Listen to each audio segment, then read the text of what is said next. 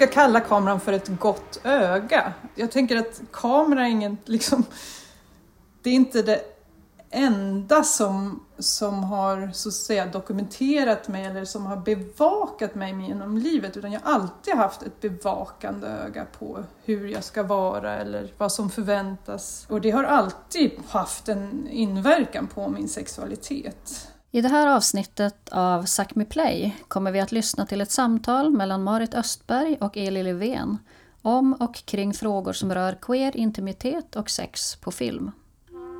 Marit och Eli lärde känna varandra under tiden de arbetade med RFSLs tidning Kom ut mellan 2006 och 2008 och har sedan dess på olika sätt varit verksamma inom queer film, konst och litteratur. Marits första film kom till genom projektet Dirty Diaries som handlade om att skapa feministisk porr och Elis debutroman Du är rötterna som sover vid mina fötter och håller jorden på plats inspirerade till filmerna Pojktanten och Någonting måste gå sönder av Ester Martin Bergsmark. Numera är Marit en välkänd queer porrfilmskapare och Eli har nyligen släppt sin andra roman Hur jag skulle vilja försvinna.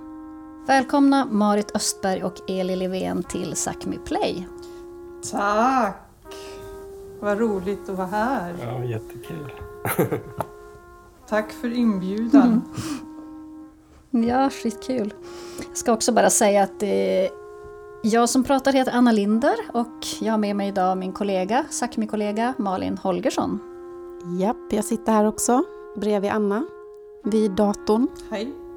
Och vi ska inte babbla mer nu utan lämnar över, över till er, Marit och Eli. Men om vi blir nyfikna på något så kanske vi smyger in med en fråga och det hoppas vi är okej. Okay. Ja, ja. Görs. Det ser vi fram emot. Perfekt. Varsågoda. Mm. Jag är alltså Marit. Och eh, ja, jag fick frågan om vem jag skulle vilja prata med. Eh, för ni kände att, Eh, att det skulle vara bra om det var någon som var mer insatt i det jag gör. Eh, vilket ju är eh, queerfeministisk porr. Och då satt jag och funderade och funderade och kände att det måste vara någon som känner till min verklighet. Och det måste vara någon som förstår det jag gör på mina premisser. Och det är ganska svårt att hitta en sån person i, alltså i Sverige. För att eh, jag, har gjort, jag har ju gjort de flesta av mina filmer i Berlin. Eh, men då dök det självklara namnet Eli Löfven upp. Eh, för dig har ju jag eh, känt då, då som ni nämnde sedan 2006 när jag var chefredaktör på Kom ut och du skrev för mig. Och sen har vi också under många år befunnit oss i Berlin vid samma tidpunkt. Eh, och vi, våra liv har liksom gått in och ut i varandras eh, på olika sätt. Eh, både genom bara befinna oss på samma plattformar, queera plattformar, men också jobbmässigt och, och med skriv mycket. Jag kommer ju också från skrivvärlden liksom. och eh, när jag lärde känna Eli så började du skriva på allvar mer. Ja, eh, jag stannar där så kan du få säga något också Eli. Ja, det stämmer. Jag tänker på tiden på, på kom ut som en, som en tid som ja, formade mig, som där någon slags politiskt skrivande och liksom dokumenterad, dokumenterande intervjuer och att liksom träffa folk och om, höra om deras situation i andra länder och ja, sånt som jag skrev artiklar om och intervjuar folk liksom har gått in i mitt fiktionsskrivande. Du är en viktig del i det, att du uppmuntrade mig söka in till skrivarskolor och du gav mig några av mina äh, favoritböcker som har betytt jättemycket för mig efter det. Ja, alltså den här podden handlar ju om uh, rörliga bilder och så, men mm. eftersom vi faktiskt bottnar båda två i, i skrivandet och vår relation på något sätt fördjupades där så, så, så är det fint om vi kan prata om det också. För när jag började göra film så lämnade ju jag skrivandet medan du fortsatte med det. Mm. Och det har en betydelse, alltså det, det, det är intressant att prata om i relation till att göra film och, och skriva. Jag måste bara säga en, en väldigt starkt minne jag har från att vara redaktör och vad- vad- att det också faktiskt betydde någonting för mig att se människor växa. Och det var när du hade fått en, en lit, eh, skrivkramp i relation till en, en artikel du skrev. Och eh, jag åker hem till dig och sätter mig bredvid dig. Och medan jag är där, jag tror jag sitter i din säng och du sitter vid skrivbordet, så skriver du artikeln. Eh, och det var, ja, men det var väldigt fint att se, att se att, att, det, att det går. Att det går med så här, genom mänsklighet att på något sätt komma över de där skrivkramparna. Suck me, suck me, play. Får jag fråga någonting om, om, om övergången där till skrivandet? Och kände du att det var ett aktivt val att du valde bilder, bilder istället för text? Mm. Eh, det var inte så aktivt val av mig att bli filmskapare. Det, det, var ingenting jag skulle ha, det var inget val jag skulle ha tagit av egen drivkraft utan det var ju att jag blev tillfrågad av, eh, av Mia Engberg då att, eh, som, eh, som eh, står bakom projektet Dirty Diaries att göra en film. Det hade jag ju aldrig kommit på annars. Och det var ju möjligt också eftersom de här filmerna i Dirty Diaries eh, var gjorda med mobiltelefon så att jag eh, behövde inte liksom bli rädd eh, för te- tekniken och sådär, att jag inte skulle klara av det. För jag kunde ju hålla en mobiltelefon liksom. Så, att, så att jag hade en ganska inom citattecken enkel väg in i, i filmen på det sättet. Um, och vad jag upptäckte då var med väldigt många olika saker, men en sak med att göra film, det är att man inte är ensam. Mm. Och när jag, i samma veva så, så åkte jag till Berlin och jag hade fort, när jag, när jag åkte till Berlin så hade jag fortfarande en vilja att skriva, att fortsätta skriva. Och skriva om skriva om mitt liv och, och så, eh, precis som du gör Eli.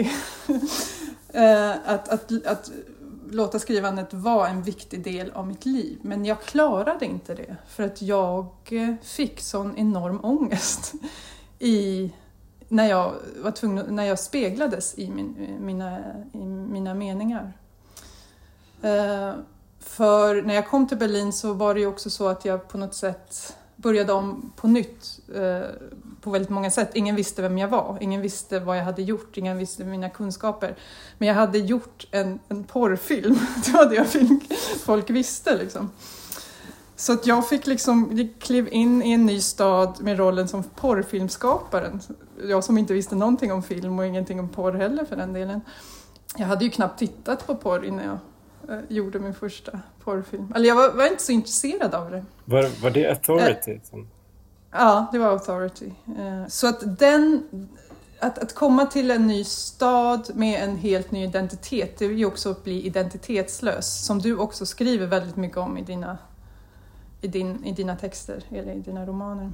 Eh, jag kan mycket, spegla mig väldigt mycket i de här texterna. Jag tänker att du lyckades gå igenom den där enorma ensamheten och skrivkrampen och du gjorde det faktiskt. Det är ju fantastiskt. Eh, men, men det blev, precis, det blev för, för mycket för mig att eh, börja om på ny identitet och um, sitta ensam och skriva om det. Och sen då när jag började göra film och hamnade i ett community där porrfilm sågs som någon sorts feministiskt verktyg att jobba med sexualitet och så. Så blev, det liksom, blev jag uppslukad av det här communityt och liksom att vara en del av många andra människors drömmar och, och så.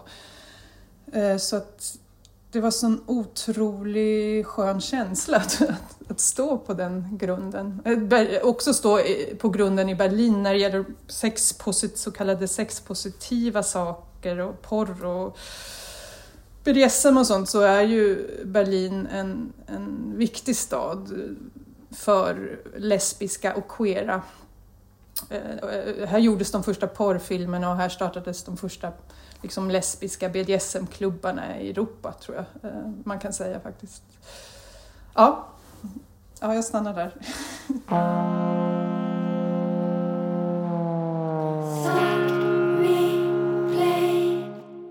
Det, det undrar jag hur du känner liksom, när du började göra porrfilmer, att handlade det om att visa en värld som inte fanns skildrad eller var det att liksom eh, skildra den inre världen eller liksom en fantasi? Mm. Drivkraften som gjorde det möjligt för mig att göra film, det var att det inte fanns så mycket, i alla fall inte vad jag visste, skildrat av queer sexualitet.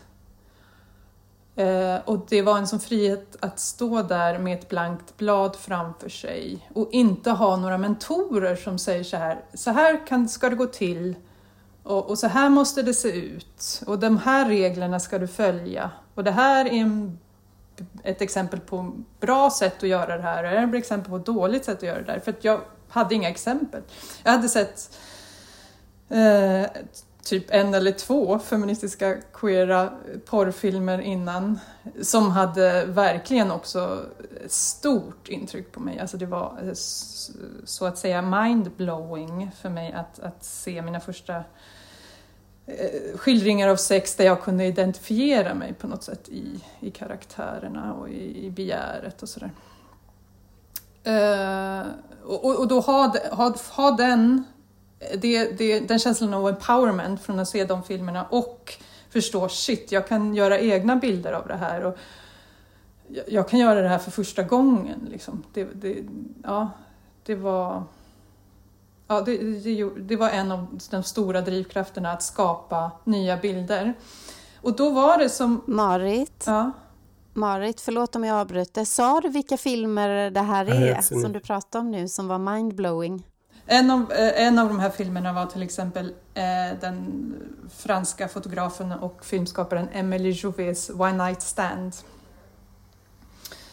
Eh, och det var bland de första filmerna av också av eh, queer, eh, BDSM som jag såg och sådär på, på film.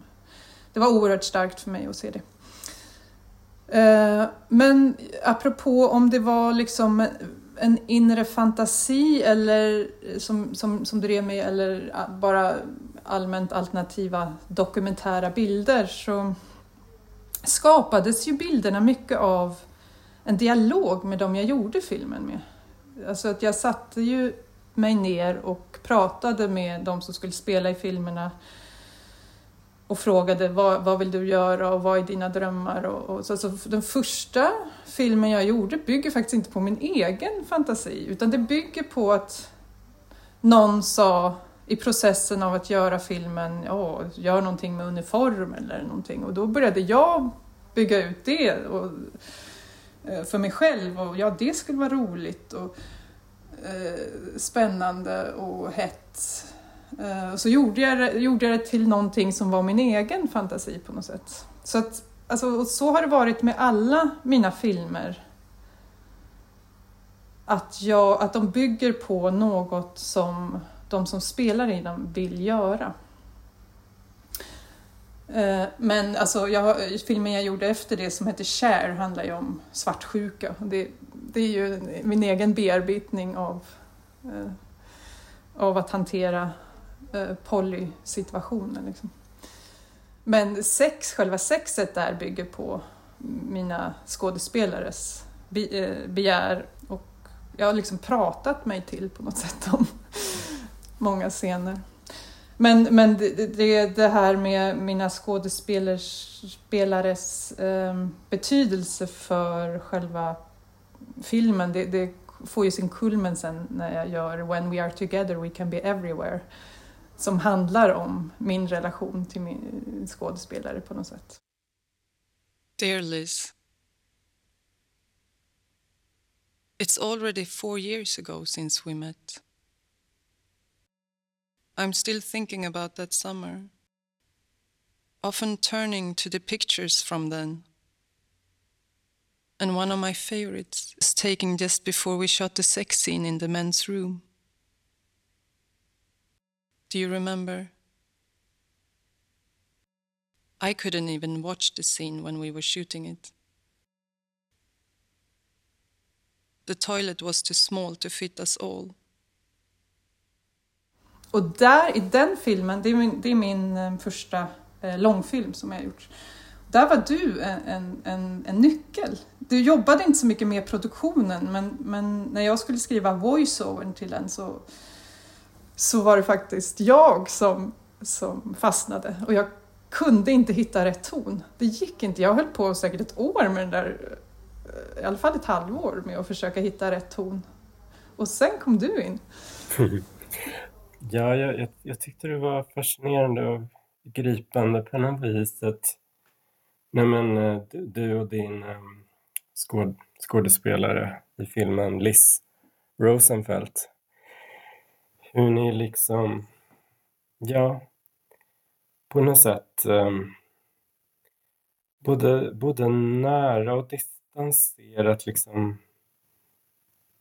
på något sätt projicerade på varandra. Eh, ni hade liksom kameran mellan er på något vis. Att, uh, ja, men det kändes som en, en romans med typ en slags avstånd. Det kan vara kameran på något sätt. Som att man går går och spanar på någon fantiserar om någon fantiserar om någon som fantiserar om en själv. Ja. Så jag tyckte det liknade som ett kärleksbrev. Och så sa du till mig att jag skulle skriva det mer som ett kärleksbrev. Ja, men det var viktigt för mig. Eh, också att du sa att du ska inte vara rädd för att liksom bara ta i och bara vara mer romantisk. Alltså just att du såg det där med, med romantiken, att jag också kunde gå in med det i språket. Att jag kunde få en romantiskt förhållande till språket var väldigt viktigt för mig. Mm. Uh. Ja, men jag tycker att uh, det är någonting som, som saknas och som att liksom pornografi ska vara någonting oromantiskt eller jag, tyckte det, jag tyckte det var en intressant kontrast att klä sexualiteten i sådana såna ord. Och liksom det genremässig clash också som, som, var, som var naturlig och som var där. Mm. Nej, men det, det, det är på något sätt det den här filmen handlar om. Det är väl liksom en, en porrfilmsregissörs behov av sina skådespelers kroppar på något sätt. Att, liksom, att det är en förlängning av min kropp. Eh, just det här med, när, när, du nämnde om distanseringen, att jag och Liz hade en kamera mellan oss. Det var en sorts romantisk relation som höll på där med en kamera. Fuck, oh my god. Oh, oh, oh my god. Do you have a vibrator in my bag? Ah. Where's your bag? My black bag. Your black bag. Uh, you small or you big? I don't know. It's big. It's, it's big. big. Get it. Get it. Mm. Oh, oh, fuck. Oh, it's in a bag in a bag. Oh. Keep fucking me. Not where you make Oh Filmen är ett resultat av många, många samtal mellan mig och Liz och hennes förväntningar och mina förväntningar och sådär. Så den bygger väldigt mycket på eh, hennes begär. Eh, men jag har också skrivit manus till filmer där jag har skrivit, liksom gjort ett väldigt fast storyboard. Eh, och som jag visat för skådespelarna. Så här skulle jag vilja. Jag håller på att göra klart en, en film just nu som, som jag kunde ha gjort klart för länge sedan men jag, jag vill vänta att ge ut den tills vi kan sitta och titta på den tillsammans. Om det nu någon gång kommer hända. Kanske utomhus i sommar förhoppningsvis. Eh, men Eli, du har sett den, den filmen um, också. Uh, du fick se en, en förhandsvisning uh, till den. Men, men den filmen... Som heter? Hold. Hold, alltså håll, att hålla. Hold. Mm. Uh, och den var ju... Jag gillar dina titlar. Ja, tack. De, de är...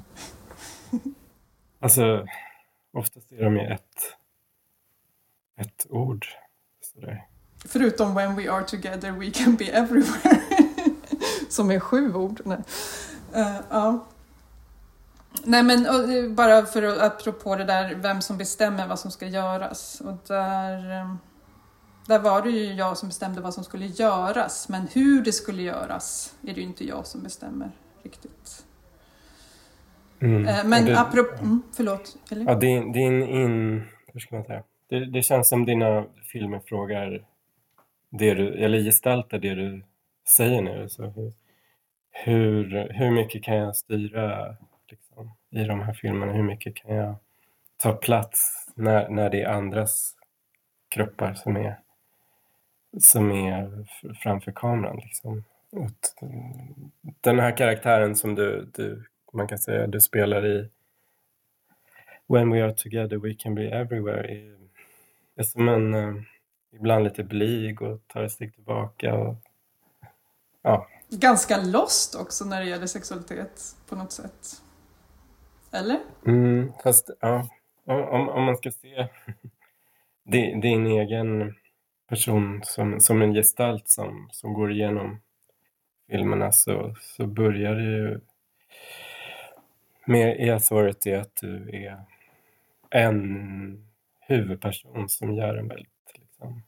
Det är någonting som är mer, mer än en porrfilm tycker jag. Så att den är, den är... Varför? Du, du har sagt det förut.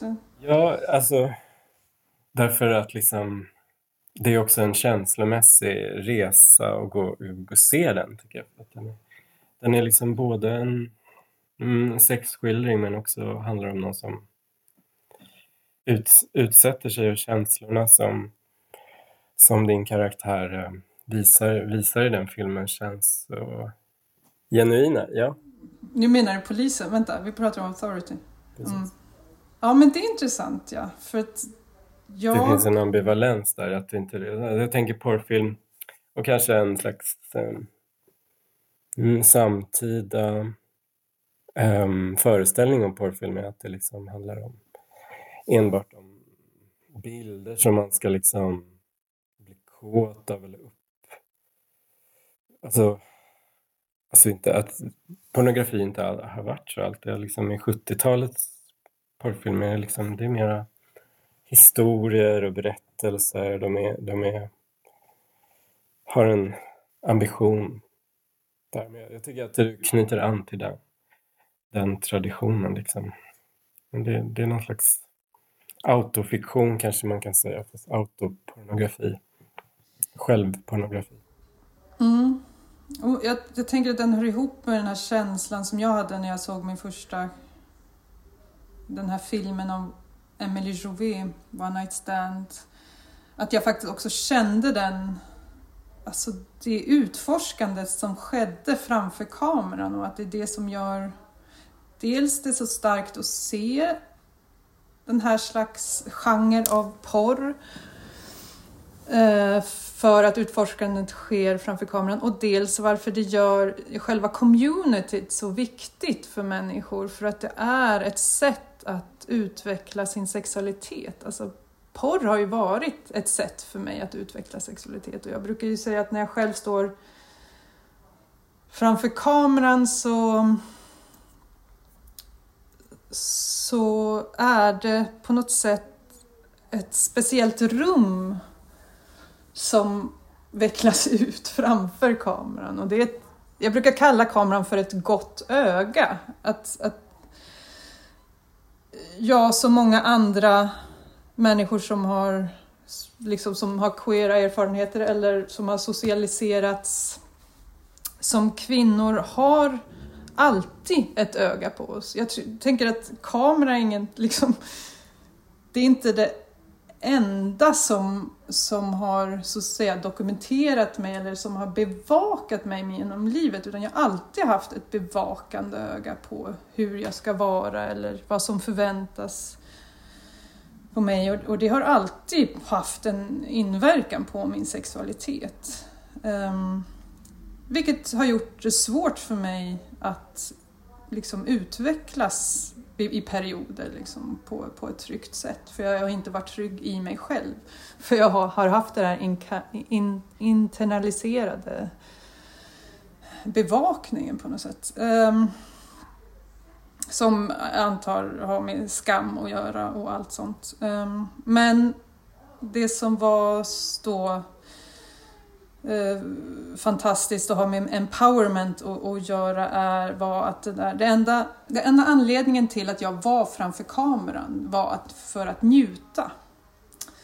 Och det var alltså en sån enorm tillåtelse på något sätt. Jag, jag skulle inte säga att in, in, en del kallar ju sig själva exhibitionister, jag kanske är det på något sätt eftersom jag varit framför kameran men jag skulle inte säga att jag blir så här tänd på att tänka på att jag dokumenteras men, men jag blir väldigt avslappnad i ett rum där det finns en tillåtelse till lust.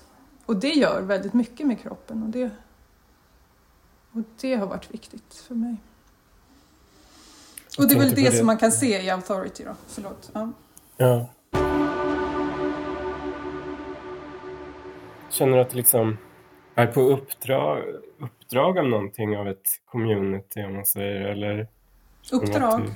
Ja. Nej, det känner jag inte. Det, då skulle jag aldrig kunna skapa, det skulle vara för hög, hård press. jag, jag känner att eh, så länge det känns relevant för människor att arbeta med mig och göra mina filmer så, så är det relevant att göra det jag gör.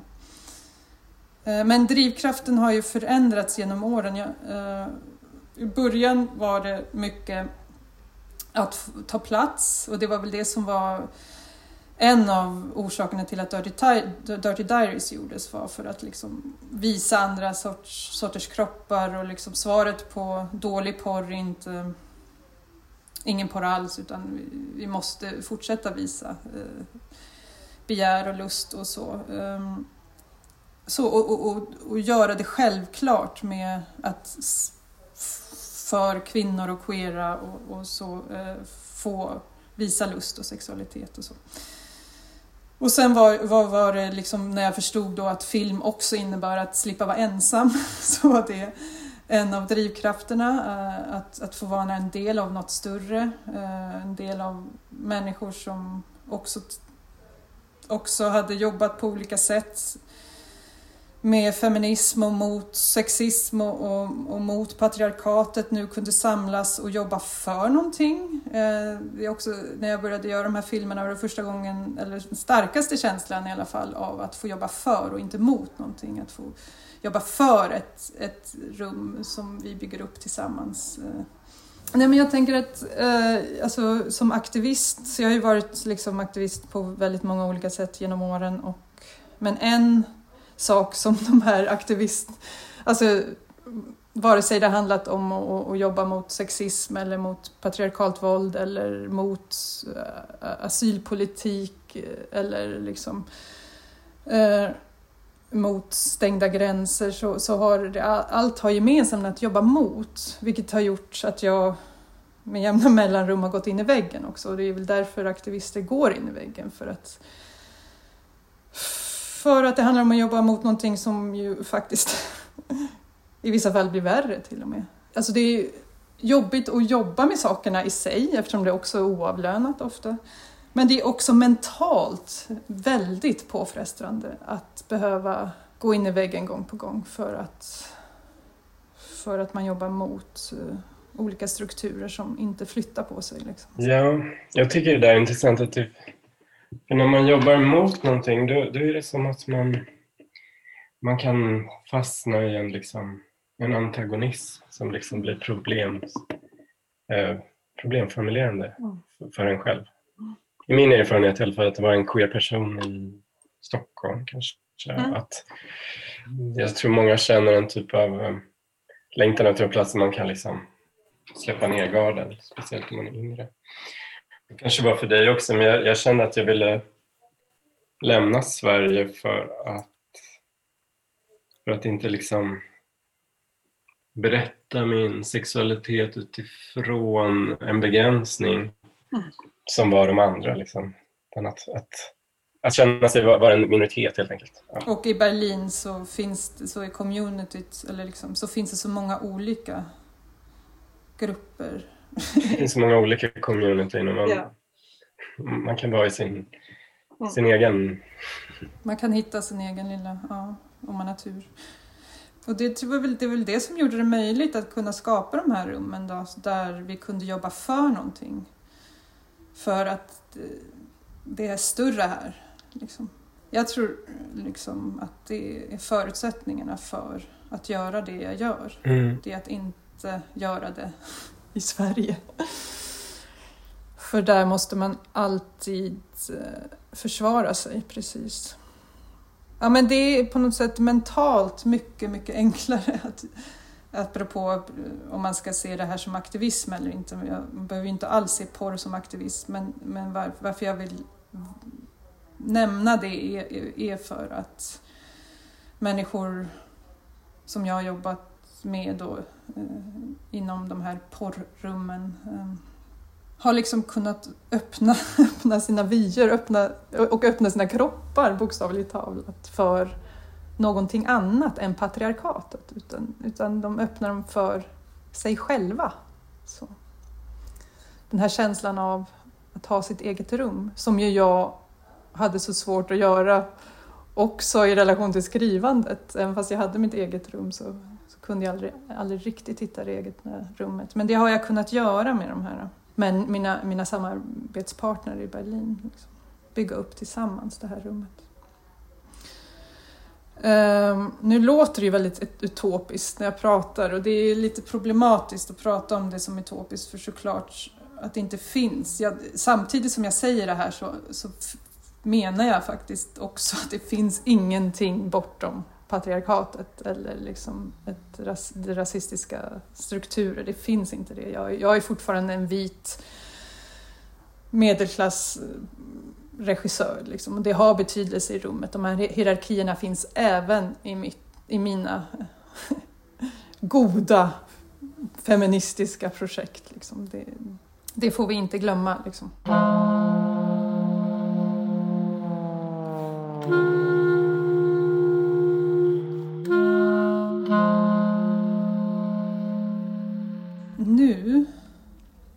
Apropå varför man gör saker, så har jag blivit lite äldre eh, och eh, har fått andra fokus. Och jag tror också att den här pandemin har förstärkt, eller jag vet att den här åren med, året med pandemin har förstärkt det här. Och eh, det som hände också med, under det här året med Black Lives Matter och liksom all den här smärtan som har funnits i världen. Som... Och under den här tiden också så just det, så satt jag och klippte den här filmen Hold som handlar om BDSMs läkande kraft. Eh, hur man, olika sätt att läka i kroppen. Så jag tror att det är liksom så som min, mitt intresse har vridits lite. Jag har liksom från att från liksom drivkraften representation och ta plats i, i världen så har det liksom, min blick har som kanske för många människor som blir lite äldre, min blick har liksom riktats inåt mer. Eh, så att de här frågorna som har varit politiskt viktiga för mig i min ungdom jag börjar förstå mer på en personlig nivå varför de här frågorna är viktiga. Och jag kanske är redo att försöka läka själv. Liksom. Jag, jag, jag är redo att försöka läka de såren som patriarkatet har, eh, har orsakat mig. Liksom. Så. Och det är vad jag har blivit mer och mer intresserad av. Liksom. Jag vet inte om du tänkte på det när du såg filmen Hold eller vad som var starkt för dig där? Liksom. Jag, jag tycker skönheten i filmen är, är någonting starkt. Jag tyckte att det var ansikten som inte jag hade sett på film på det sättet tillsammans. Det var karaktärer som jag, jag, skulle, jag skulle vilja veta mer om dem också. Jag vill stanna i dem också. Det skapade ju en plats på, på, på bild som jag liksom jag, jag inte har sett med mina ögon. Som ändå kändes verklig och fysiskt påtaglig. Det var häftigt. Alltså, det var också en chock för mig att gå från skrivandet till film. Det är ju att jag förstod att frågan är inte om något gör fe äh, går fel, vad gör vi då? Frågan är när något går fel, vad gör vi då?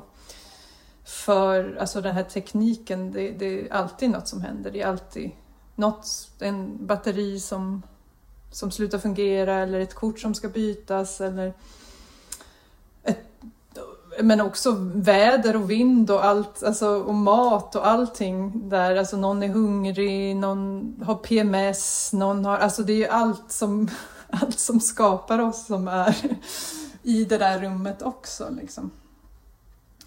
Så att det är väl, jag har ju genom året få, fått förstå hur man gör med misstag liksom och hur, hur man dels hur man förbereder sig det mesta man kan för att man ska ha tänkt på allt och sen när det som man inte har tänkt på händer så ska man ha någonting ex, någon extra resurs där som, som kan eh, hoppa in och hjälpa till. Och vad, vad jag efter några år eh, jobbat med, med, med det här så försöker jag, om det finns möjlighet, att arbeta med något som jag kallar eh, caretaker eller caregiver under produktionerna och, och, den här personens roll är, när vi spelar in filmen, är att bara ha, liksom är där för skådespelarna. Eh, de har, ska inte ha någon annan uppgift. För i början tänkte jag att jag kunde vara en person som kunde ta hand om folk. Liksom. Och jag hade inte fattat att jag som regissör också måste prata med den som håller i kameran och, den, och liksom den, ja, men så, och måste fatta beslut snabbt och så. Så att jag, jag är inte alltid den trygga person som jag vill vara för alla människor eh, när en film spelas in. Eh, men, men och då har jag försökt vid några tillfällen, några produktioner, att ha en, en sån person. Det har funkat ganska bra. Det, det, det, har varit, jag har förstått att det har varit väldigt skönt för skådespelarna att, att ha någon där. Liksom om någon säger nu är jag kall så står det någon där med en, med en filt eh, ganska snabbt. Liksom. Eller nu är jag hungrig och så, så fixas mat och så här. Eh, men, men vad som jag lärt mig också eh, genom andra erfarenheter är att så ja, men jag borde nog ha haft en sån där som tar, eh, tar hand om-roll också för den som håller i kameran och också för den som sköter ljuset. Och liksom, för de, blir också, de, de går också över, över, över sina gränser. Eh, för att det handlar mycket om att gå över gränserna att göra film, för det är ganska jobbigt. I alla fall om det är större produktioner. Men också mindre produktioner. Det, det är ofta liksom långa dagar och sådär. Även om man bara spelar in en dag så kan den dagen vara lång. Och, och det, det är viktigt att det viktigaste är när man gör en film eh, och det är att det finns vatten och mat, skulle jag vilja säga. Att det alltid finns en snack till hands. Men också om man gör porrfilm så ska det alltid finnas liksom säkra sexsaker, liksom, eh, handskar och, och kondomer och, och, glidmedel och allt sånt. Eh, liksom bara, bara det praktiska ska finnas där, det som behövs. Det ska alltid finnas till hands. Eh, och sen ha att innan filmen spelas in att ha långa samtal. Eh, eller i alla fall samtal med, med personer och fråga deras behov. Och då kanske jag menar då också inte bara med skådespelarna utan också med den som sköter kameran och sådär. Hur, hur hanterar folk stress liksom? Vad behöver de?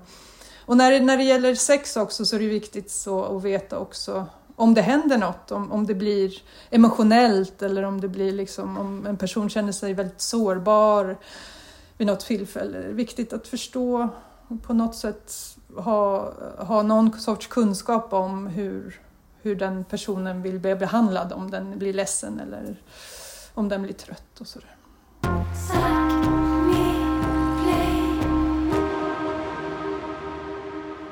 Ja, men du sa någonting förut om skam. Ja, jag... oh, fy fan vad man har skämts i sina dagar. vad tänker du? Tänker, är det någon slags drivkraft? Känner du? Det är det säkert. Det är säkert en av de största drivkrafterna. Ehm, fast det är, det är inget jag tänker på att det är. Jag tänker att ens drivkrafter är oftast ganska oförståeliga för en själv i början i alla fall. Jag brukar förstå varför jag gör saker några år efteråt eller mer. Mm. Men jag tror, alltså skam är, är ju en mänsklig erfarenhet såklart, men jag, jag tänker att den skam i alla fall som jag går och bär på är en produkt av patriarkatet. Så att det är ju det som är en drivkraft. Att, att få existera på sina egna villkor utan att känna den där skammen. Mm. Så det är säkert jätteviktigt. Men, men jag har, när jag har känt skammen så har jag inte tänkt åh, nu är jag full med adrenalin och vill skapa. Utan då har jag ju snarare gått och lagt mig i ett hörn. Liksom. Men vad tänker du kring det? Jag, jag tror att utan risk är saker och ting inte så kul.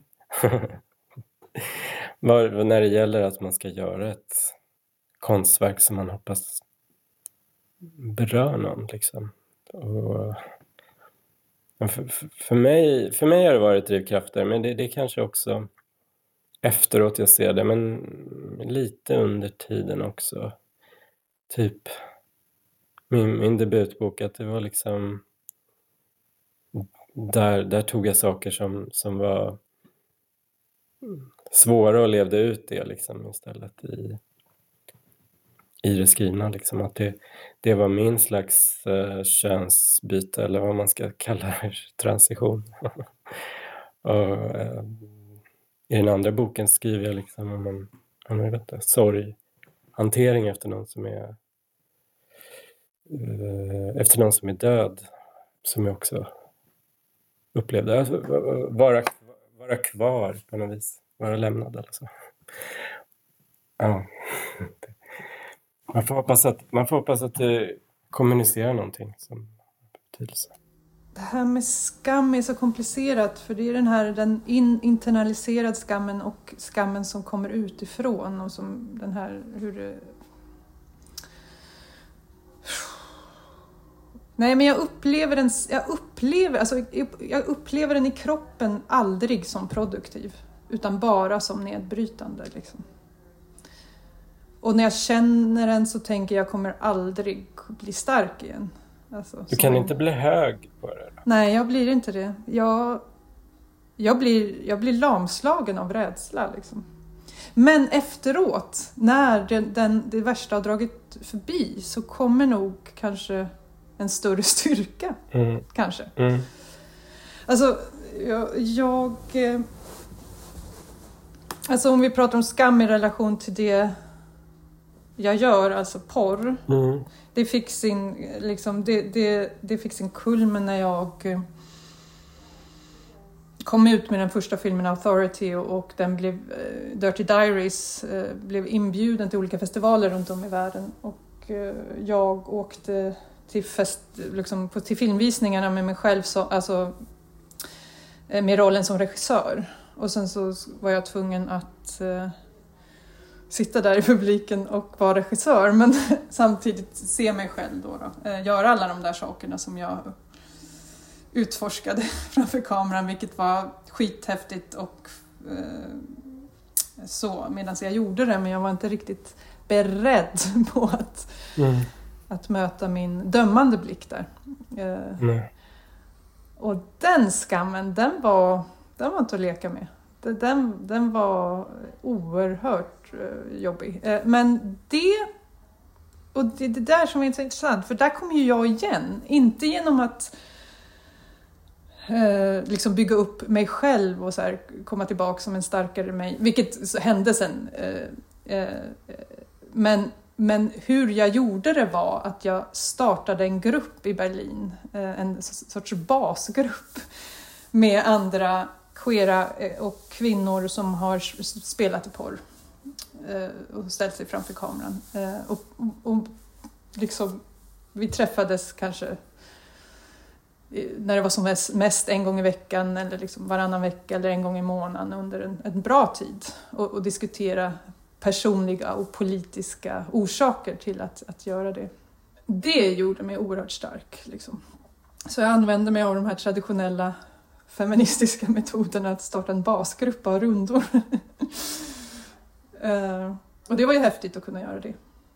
Mm. Mm. Och när jag väl kommer, i, kommer igenom det så känner jag inte samma skam fortfarande. Jag kan fortfarande tänka så här, åh, vad jobbigt att se en själv. Men det, det, det tänker nog många hur som helst. Det är ju också är på något sätt så att om man har tagit sig igenom det värsta av de här för de här rösterna som pratade med mig då, det handlade ju om den här svenska diskursen. Liksom, så här. Jag tänkte ju att jag aldrig igen kunde liksom se en annan svensk i ögonen. för att de skulle ha olika tankar om mig. Eh, vilket kanske har, men jag har aldrig, aldrig, aldrig mött någon som helst fördom från någon annan. Det är ingen som har uttryckt någonting sånt. Bara positiva saker. Eh, också i Sverige. Så att, alltså i relation till det så känner jag ju inte skam kanske. Även fast det är nog skam också. Alltså, allt blandas väl ihop. Men jag känner också lite rädsla. För åsikterna när det har med sex och sexualitet, de är så oerhört starka. Och eftersom vi som... I alla fall, jag pratar för mig själv nu, men jag tror att när man som kvinna eller queer arbetar med sex på olika sätt, då arbetar man också med trauma. Och vi har sådana olika sätt eftersom det, ja, jag tror att majoriteten av oss går och bär på trauman liksom, i relation till våra kroppar. Och vi har sådana enormt olika sätt att bearbeta våra trauman. Eh, och de, de här människorna som då vill se eh, porr och sexarbete eh, som roten till det onda i patriarkatet. Mm. Alltså deras drivkraft är, den är så stark och den är också driven av en sorts traumaporr som jag helst inte vill komma i närheten av. Alltså, deras argument är ofta uppbyggda av de värsta sortens berättelser om övergrepp. Och det triggar mig på riktigt. Alltså då, då jag känner inte skam då, men jag, jag blir, alltså min mage knyter bokstavligt ihop ihop sig. Liksom. Och jag kan, jag blir helt förlamad. För att, mm. alltså för att såklart att det blir så hemskt. Ja, det är inte nyanserat när man tar det värsta uttrycket för någonting och låter det vara definierande för helheten. Liksom. Det, det, ja, det låter väldigt, ja, lite skadat, traumatiserat. För att det är ju inte så bara för att jag gör det jag gör, inte vet om eller bevittnat de här berättelserna. Alltså det, det, är liksom, det är som att de vill tala om de, någonting som vi alla bär i våra kroppar. Liksom. Ja, nej, det är väldigt konstigt. Ja. Mm. Ja, men apropå känslor, alltså skam för mig är relaterat till smärta. Så. Och smärta är någonting jag känner i, i den här diskussionen om fördomarna och diskursen kring vad det innebär att jobba med sex. Mm. Ja, men ja, det kanske är självklart, men porr, pornografi liksom skildrar ju den, den förmodligen starkaste driften som de flesta människor har ändå. Alltså, alltså för, för att äta och ja, ha, ha, en, ha en typ av sexualitet. Och att, att det skulle på något sätt vara fel att skildra det i bilder, det, det, det, det är svårt att förstå drivkraften bakom ett sådant argument. Mm. Men jag, jag kan ju förstå att man kritiserar produktionsförutsättningar och sådär. Och där, det är väl där jag än så länge har gått fri då från de här äh, kritiken för att jag sätter ordet feministiskt. Men det, det vill jag också, innan vi slutar. Um, jag, jag, tycker att det är väldigt problematiskt att jag hela tiden lägger till feministisk framför porrfilmskapare. Eh, för att det förutsätts på något sätt att jag är bättre än andra. Det, det är det som är viktigt att diskutera. Att jag skulle då sätta mig över andra som jobbar med porr som inte då kallar sig feministiskt för att jag då skulle ha bättre anledningar att göra saker. Jag tycker det är problematiskt för att det eh, bygger på den här eh, binära idén om liksom att vara feminist och vara sexarbetare. Liksom. Människor som jobbar i mina filmer är sexarbetare. Liksom. Man kan kanske kalla mig sexarbetare också för att jag spelar i film. Liksom. Uh, Nej, men, får jag säga något? Ja. Folk blir exploaterade i alla branscher kanske. I olika hög grad också. Men av någon anledning så engagerar inte folk på samma galna sätt liksom. När det gäller annat som man känner till i byggbranschen eller städ, lokalvård och sånt. Ja, ja, du vill säga något? Ja, jag tänker, nu är det Malin som hoppar in här. Men Marit, eh, apropå det här med att kalla sig feministisk porrfilmsregissör eller inte.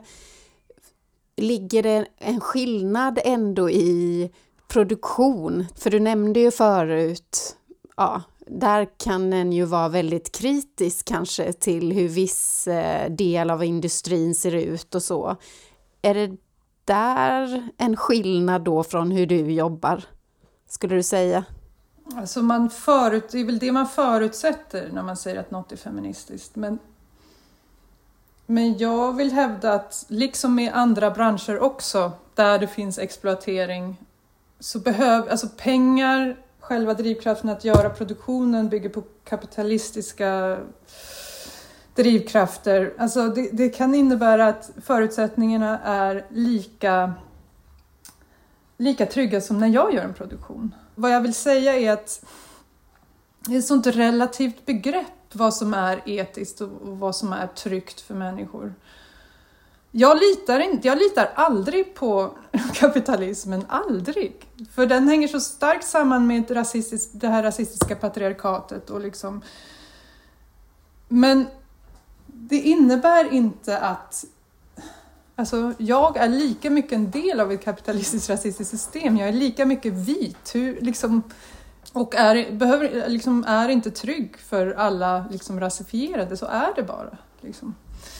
Men däremot så så vad som kanske är problematiskt som jag då kan faktiskt säga att jag kan kritisera lite och det är ju skönhetsideal och idealen för hur människor ska se ut i ett system som vill sälja.